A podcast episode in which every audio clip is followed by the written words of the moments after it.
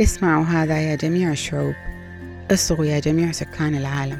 اسمعوا إلي أيها العظماء الأغنياء والفقراء على السواء. ينطق فمي بالحكمة وخواطر قلبي بالفهم. أصغي بإذني لأسمع مثلا وعلى عزف العود أشرح لغزي. لماذا أخاف في أيام الخطر عندما يحيط بي شر مطاردية؟ أولئك المتكلون على ثروتهم وبوفرة غناهم يفتخرون. لا يقدر أحد أبدا أن يفتدي أخاه أو يقدم لله كفارة عنه لأن فدية النفوس ثمينة يتعذر دفعها مدى الحياة. طلبا للخلود على الأرض وتفاديا لرؤية القبر.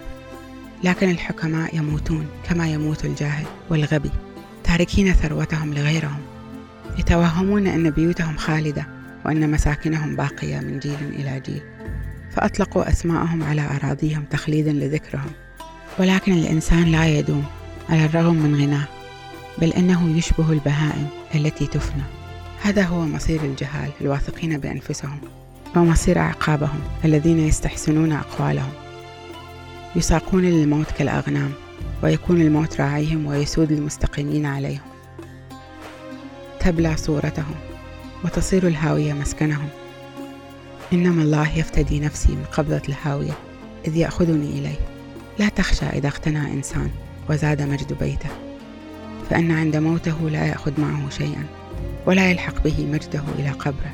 ومع أنه ينعم نفسه بالبركات في أثناء حياته ويطريه الناس إذا أحسن إلى نفسه. ألا أن نفسه ستلحق بآبائه الذين لا يرون نور الحياة إلى الأبد. فالإنسان المتمتع بالكرامة من غير فهم يماثل البهائم البائدة.